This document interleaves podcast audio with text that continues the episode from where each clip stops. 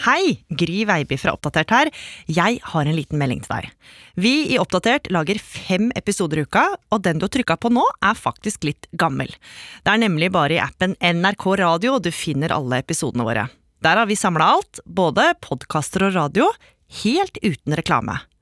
Kanskje du vil høre en av de 13 radiokanalene våre for å få med deg det siste som har skjedd, eller henge med fine folk som spiller musikken du liker. Eller høre en av de andre NRK-podkastene? Jeg kan i hvert fall love deg flere episoder av Oppdatert i NRK Radio. Vi har faktisk laga hundrevis av episoder som ligger og venter på deg. Og en av dem får du høre nå. God lytting. En podkast fra NRK. Foran et bur i en rettssal i Russland står en ung kvinne med brun pannelugg og hårbøyle. Hun risikerer ti år i fengsel etter å ha havna på landets offisielle terrorliste. Olesya Krivtsova is now on Moscow's most wanted list. For Putin har ikke bare gått til angrepskrig mot Ukraina. Også på hjemmebane er han godt i gang med en slags krig mot dem som sier ham imot. The Russian authorities expect total, unflinching support for the offensive in Ukraine. If you don't support it, you're expected at the very least to stay silent. If you don't stay silent, well, there's a whole string of repressive laws now in Russia for punishing dissent. Men kvinnen i rettssalen nekter å gi seg. Det skal koste henne dyrt. Og nå er hun i Norge. Du hører på Oppdatert. Jeg heter Gry Veiby. Å stå imot jerngrepet til president Putin og regimet hans, det har bare blitt vanskeligere og vanskeligere de siste åra. For forrige uke kom det en ny lov som i praksis gjør det ulovlig å være skeiv i Russland, og for flere år siden ble utenlandske organisasjoner som Amnesty og miljøorganisasjoner stempla som utenlandske agenter. Medier får ikke lov til å fortelle noe annet enn det myndighetene vil, og opposisjonspolitikere og journalister blir forfulgt, fengsla og noen også drept. Det å gå imot Putins vilje, det er nærmest som å kaste seg frivillig inn i en giftig og boblende heksegryte. Men likevel er det mange som gjør det, og som synes at det er verdt det. Selv om det koster dem fryktelig dyrt. Kaja Kirsebom, du er journalist her Oppdatert, og du har snakka med en av dem, en ung russer, som forteller om hvordan hun har trossa både Putin og landet sitt. Ja, jeg har intervjuet 20 år gamle Olesia Krivtsova, hun hadde et helt vanlig liv i Russland, hun var student, studerte reklame og PR, men brått endte hun opp på Kremls, altså den russiske stats, offisielle liste over terrorister og ekstremister. Hello, Alicia. Hello. Is everything fine? Yes, but uh, I'm so stressed because it's my first uh, big interview in English. I think I will make a lot of mistakes. Olesia hun bor i Norge nå, og på engelsk så kunne hun lenge bare si hello, men på et halvt år så har hun lært seg engelsk ganske så flytende. Men Olesias historie den starter ikke i Norge, den begynner nordvest i Russland, i byen Arkangelsk.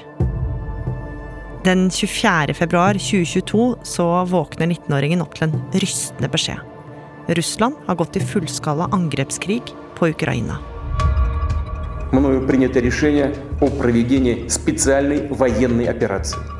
Litt før klokken fire i natt norsk tid, klokken seks russisk tid, annonserte Russlands president Vladimir Putin angrepet på Ukraina fra sitt kontor bak murene i Kreml.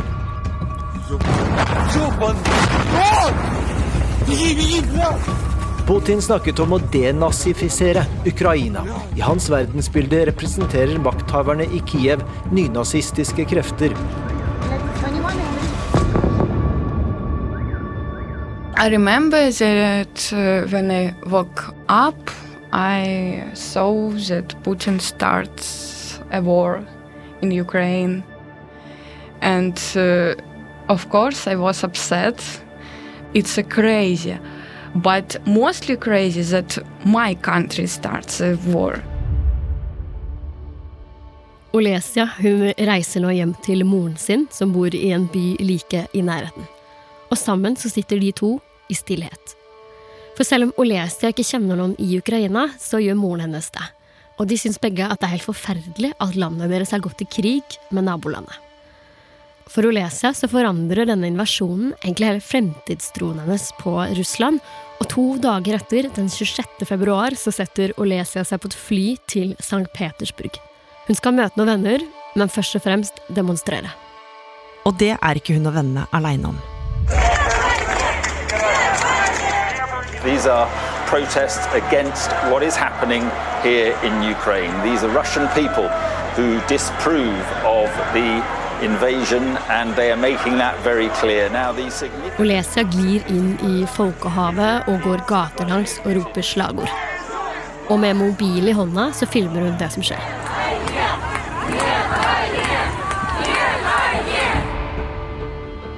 Men Olesia og de andre får ikke holde på i fred.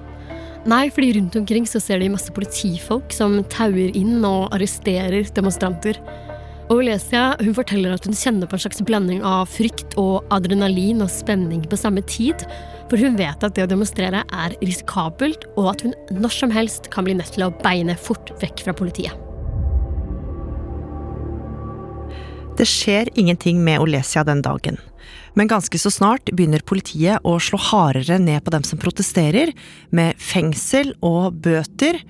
Det er heller ikke lov å omtale krigen som en krig, nå skal det hete en militær spesialoperasjon. Og med det blir det også færre folk som tør å gå imot myndighetene. Men Olesia bestemmer seg for at hun ikke vil la seg stilne. De neste månedene så finner Olesia ulike måter å protestere mot regimet. På en åpen konto på Instagram med ca. 400 følgere publiserer hun innlegg om krigen i Ukraina og situasjonen hjemme i Russland. Men hun er hele tiden påpasselig med å legge ut stories som bare eksisterer i 24 timer før de forsvinner. I started to post in Instagram because I feel a lot of emotion and fear.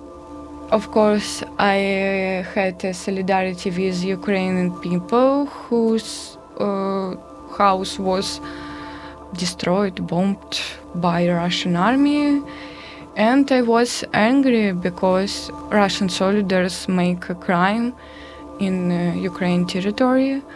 I was upset I made uh, stories in Instagram. I felt that it's uh, not dangerous because it's just social media. I didn't think about consequences. Og i slutten av mars så bestemmer Olesa seg for å ta en tatovering på høyre bein av en mann hun virkelig hater, Putin. Og bildet av den tatoveringen har hun sendt meg, det er en svær edderkopp med Putins ansikt i midten, og fra munnen og øynene så renner det rødt blod. På oversiden så står det skrevet noe på russisk. And caption in Russia like «Старший брат смотрит на тебя». In English, it's «Big brother is watching you». Og sitatet 'Big Brother is watching you' det kommer fra romanen 1984 av forfatteren George Orwell, hvor han beskriver et tyrannisk overvåkningssamfunn. Men i mai ser Olesia noe som gjør henne ekstra opprørt. Den 9. mai er en ganske spesiell dag i Russland. En merkedag. De feirer at Sovjetunionen seiret over Nazi-Tyskland under andre verdenskrig. Krigen i Ukraina har vart i noen måneder, og Putin benytter virkelig denne dagen til å hause opp den nasjonale stemningen i Russland. Og i likhet med mange andre russere så får Olesia med seg det som skjer i hovedstaden Moskva. Det er pomp, det er prakt og en stor militærparade, og Putin benytter anledningen til å fortelle om de såkalte nazistene som de nå kjemper mot i Ukraina. Уважаемые граждане России, дорогие ветераны, It was crazy because uh, they celebrated peace in times of war. Så nå bestemmer Olesa seg for å protestere mot det som skjer i Moskva. Sammen med venner så trykker hun opp noen plakater. Og på plakatene så står det at veteraner fra andre verdenskrig også bor i Ukraina, og der dør de av russisk bombing akkurat nå. Dagen etter, den 10. mai, så reiser de rundt i Arkangelsk og henger opp plakater. Og kanskje så regner hun ikke med å få så mange reaksjoner, for ifølge Olesia er Arkangelsk en by hvor folk flest stemmer på Putin, men tilsynelatende ikke bryr seg så mye om politikk. Og utover at en gammel dame tar ned en av plakatene og river den i to og truer med å anmelde dem til politiet, så får det ikke særlig mange reaksjoner. Til tross for at det ikke blir noe særlig med oppmerksomhet rundt den lille aksjonen deres, så skal plakatene til Olesia vise seg å være et feiltrinn. Ja, fordi det Olesia ikke vet, er at det i gatene rundt omkring i byen henger overvåkningskameraer som nå har plukket opp registreringsnummer på bilen de brukte. Morgenen etter så ligger hun i senga hjemme i leiligheten som hun bor i med kjæresten, og plutselig så hører hun at det går i døra. Hun trodde hun var helt alene, men Olesia forteller at det sto fire politifolk i leiligheten hennes. Ifølge Olesia så kommer de fra noe som heter Senter E, et slags statlig organ som bekjemper ekstremisme. De tar henne med ned til politistasjonen, og der blir hun holdt i ti timer. Hun blir avhørt, må signere masse dokumenter, men de vil også at hun skal si unnskyld til den russiske hæren for dette overtrampet med plakatene. Olesia fortalte meg hva de ba henne si på kamera. Uh, my name is Alessia Krivtsova. Yesterday I laid uh, posters in Russian houses and it was uh, not true it was false and i apologizes for everyone for russian army because of uh, i was uh, stupid Etter å ha sagt unnskyld og gått med på å betale en bot, så får Olesia dra hjem. Men hun skjønner at situasjonen er blitt ganske alvorlig. Fordi politiet gjør det tydelig at neste gang så slipper hun ikke unna med bare en bot. I remember that um, very important thing. They say that I should keep silent in future and I should stop my activist um, experience and uh, also just to be a simple student. And did you do that? no. De neste månedene holder Olesia en lav profil. Men det skal ikke vare så lenge, for hun fortsetter å følge med på sosiale medier og ser at russernes blodige krig i Ukraina herjer videre. Olesia klarer jo ikke å holde seg unna, hun vil fortelle folk hva som egentlig skjer, så hun bestemmer seg for å gjøre det som føles tryggest. For hun har jo ikke så mange følgere på Instagram, hva er det som egentlig kan gå galt, tenker hun, så nå begynner hun å poste på Instagram igjen. Hver dag så legger hun ut nye stories om situasjonen i Russland og ikke minst krigen i Ukraina. Det gjør hun også den 8. oktober 2022, men denne gangen skal det hun legger ut, forandre alt. 8th of uh, October, I made stories uh, about Crimean Bridge. It was destroyed. Vladimir Putin furious tonight after an attack on a key bridge that Russia uses. Vladimir Putin tonight vowing to respond after the latest attack on a vital bridge that connects Russian occupied Crimea to the Russian mainland. En tidlig lørdagsmorgen går en enorm eksplosjon av på den store broa som knytter Russland og Krimhalvøya. Flammene og røyken kan ses mange kilometer unna. I posted it because uh, it was a first action uh, by uh, Ukrainian army, and it was interesting for me. Men det Olesia ikke vet, er at noen fra universitetet hennes tar et bilde. En skjermdump av det hun har lagt ut. Medstudenten og flere andre reagerer på denne posten til Olesia om broen. De mener at Olesia har gjort noe ulovlig ved å legge dette ut, og at det er deres patriotiske plikt å rapportere henne inn til myndighetene. Og noen måneder seinere skal Olesia nok en gang få uventa besøk hjemme. Det er 26. desember, og klokka er syv på morgenen. Olesia hun prater på telefon med moren sin, men så forteller hun at hun plutselig hører et voldsomt leven, for ti politifolk fra sikkerhetspolitiet de stormer nå leiligheten hennes. Hun ser bare øynene deres, for resten av ansiktene er skjult bak trøkler. Hun forteller at de er bryske, at de romsterer rundt omkring i leiligheten hennes og roper at hun skal legge seg ned på gulvet. Og idet hun gjør det, så hevder hun at en av dem holder en slegge over hodet hennes. Of course, it was scary because um, in that moment uh, I felt that I will be killed. Ifølge Olesia blir hun tatt med ned til politistasjonen. Og i avhørene der så får du vite at politiet har to saker på henne. Myndighetene mener at eksplosjonen, altså på broen mellom Russland og Krim, var en terrorhandling. Og at Olesias post om dette ikke bare var en rettferdiggjøring, men også oppfordret til terror. Det andre de mener at hun skulle ha gjort, var visstnok å diskreditere den russiske hæren ved å reposte et innlegg i en gruppechat. Den posten hun skal ha videredelt, var et kritisk innlegg til et møte universitetet organiserte for å informere om flere regioner i Ukraina som Russland nå mente at var deres. So how many years of prison could you get in the court? Ten. Ten years of prison. Ten, yeah. Hei igjen! Gry her. Jeg vil egentlig bare minne deg på at det du hører nå, er en gammel episode av Oppdatert. Alle episodene våre finner du i appen NRK Radio. Olesia blir fengsla og må tilbringe en natt bak murene. Men hun skal jo ikke bli værende der lenge. Hun blir tatt med til en rettssal hvor en dommer bestemmer at hun får lov til å dra hjem i påvente av rettssaken. I mellomtiden får hun ikke lov til å bruke PC eller telefon. Det blir en skikkelig trist nyttårsaften. Olesia er med moren og kjæresten, som hun nå har giftet seg med i all hu og hast, i tilfelle han blir kalt inn til krigen. Så Olesia hun sitter der og ser ut av vinduet, men det er ingen nyttårsraketter fordi ingen har råd til det, forklarer hun. Krigen i Ukraina har kosta folk mye. Hun aner ikke hva det nye året 2023 vil bringe, men hun er skikkelig engstelig for fremtiden sin.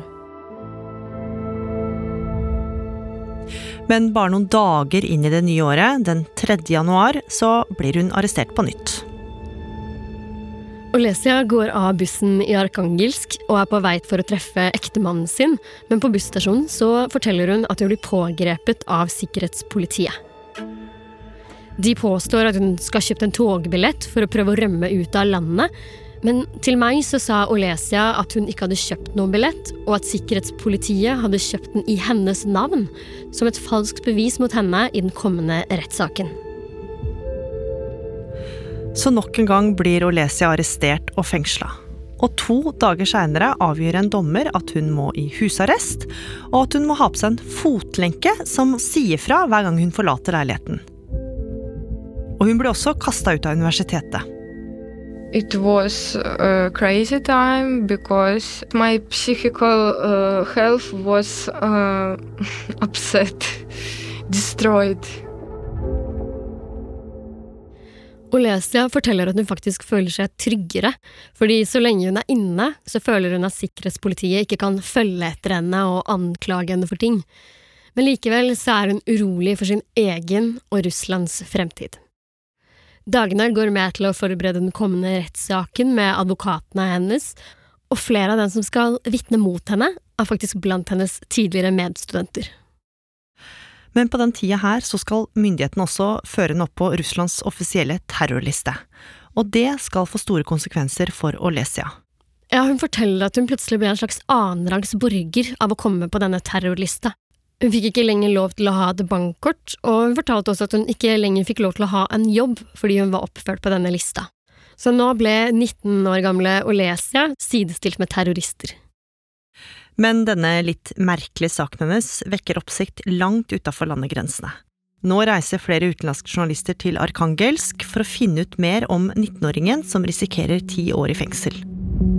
20-year-old student Olesya Krivtsova has been missing a lot of classes lately.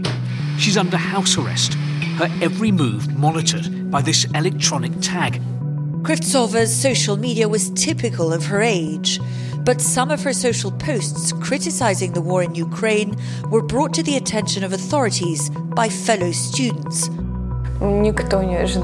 No one expected that the case would grow so much that the resonance would be huge.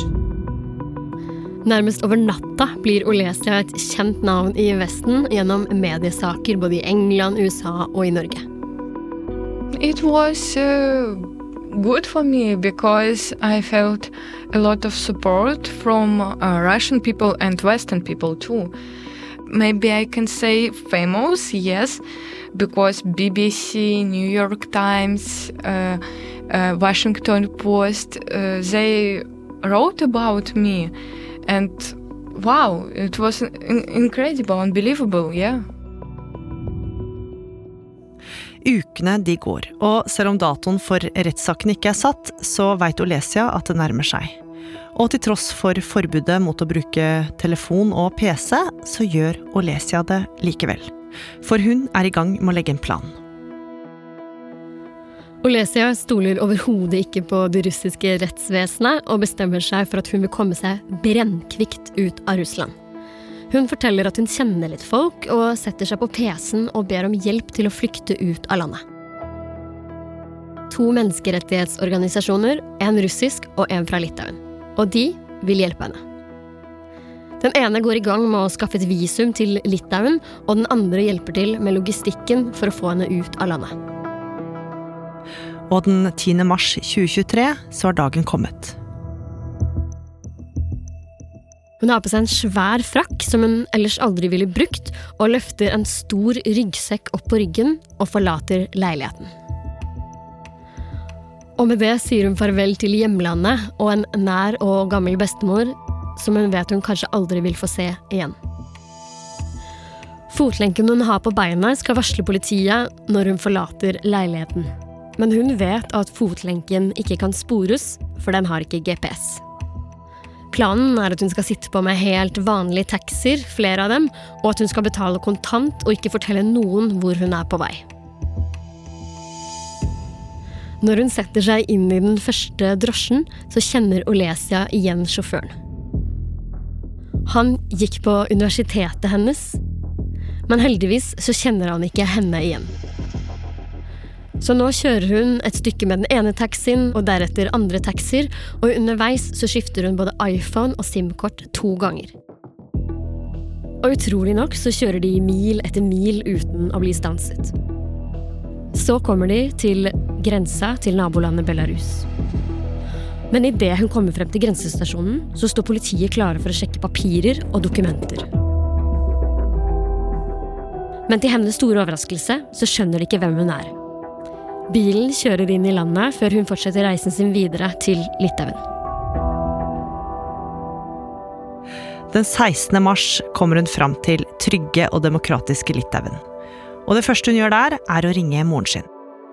Firstly, I called to my mother and she cried. And she cried because she she was really happy. But uh, me, I, I wasn't happy because I didn't understand that I really free, a freedom. I didn't understand it. But after maybe three days, I understand that yes, it's a, it is freedom. Yes, I'm free. Olesia klarer å få av seg fotlenken og flytter inn i en billig leilighet, og planen er at hun skal begynne å studere der. Etter noen uker så kommer også ektemannen hennes, og sammen så skal de starte livene sine helt på nytt.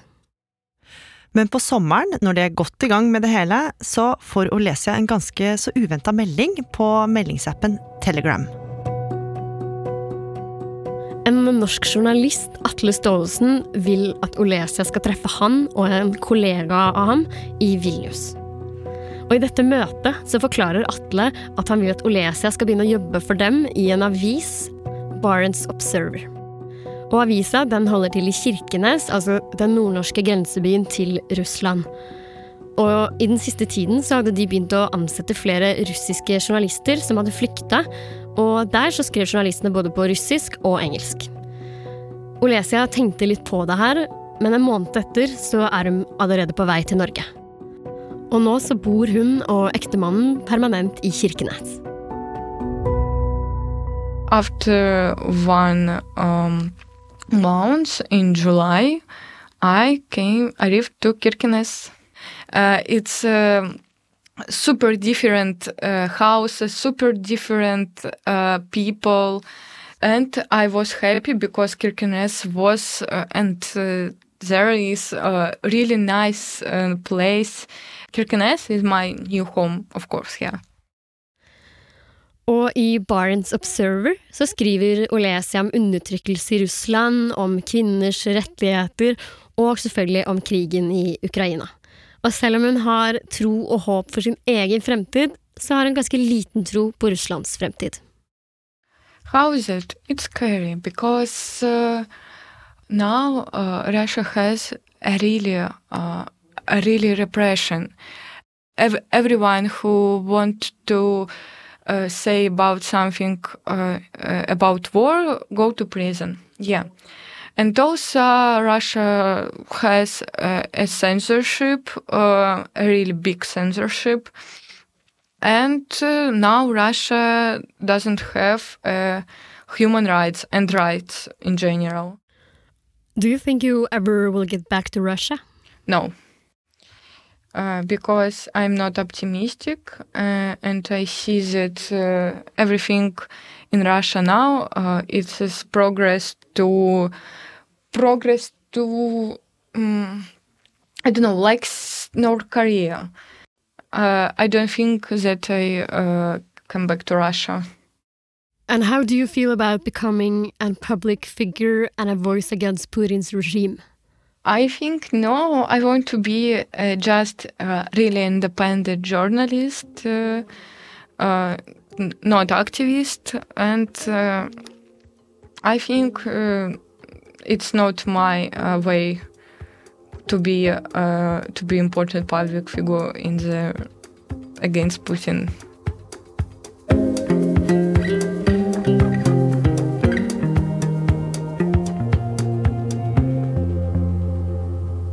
Oppdatert er en podkast fra NRK Nyheter. Og denne episoden var laga av oss. Produsent Kaja Kirsebom. Lyd Andreas Berge. Espen Bjørlo Mellem. Vaktsjef Irina Kjelle. Line Orfjell. Og jeg heter Gry Veiby. Programredaktør er Knut Magnus Berge. Klippen du har hørt, er fra South China Morning Post, CNN, ABC, Sky News, Reuters, CBC, The Sun, The Telegraph, The Globe and Mail, BBC, Olesias egne opptak og NRK. Har du tips til sak eller innspill til noe av det vi lager, så kan du gi tilbakemelding direkte i NRK radioappen, eller du kan sende oss en e-post til oppdatert krøllalfa nrk.no. Hei, dette er Gry Veiby igjen. Hvis du likte denne episoden her og gjerne vil høre mer, så ligger altså alle episodene til Oppdatert i appen NRK Radio, i tillegg til veldig mye annet bra innhold. Vi høres.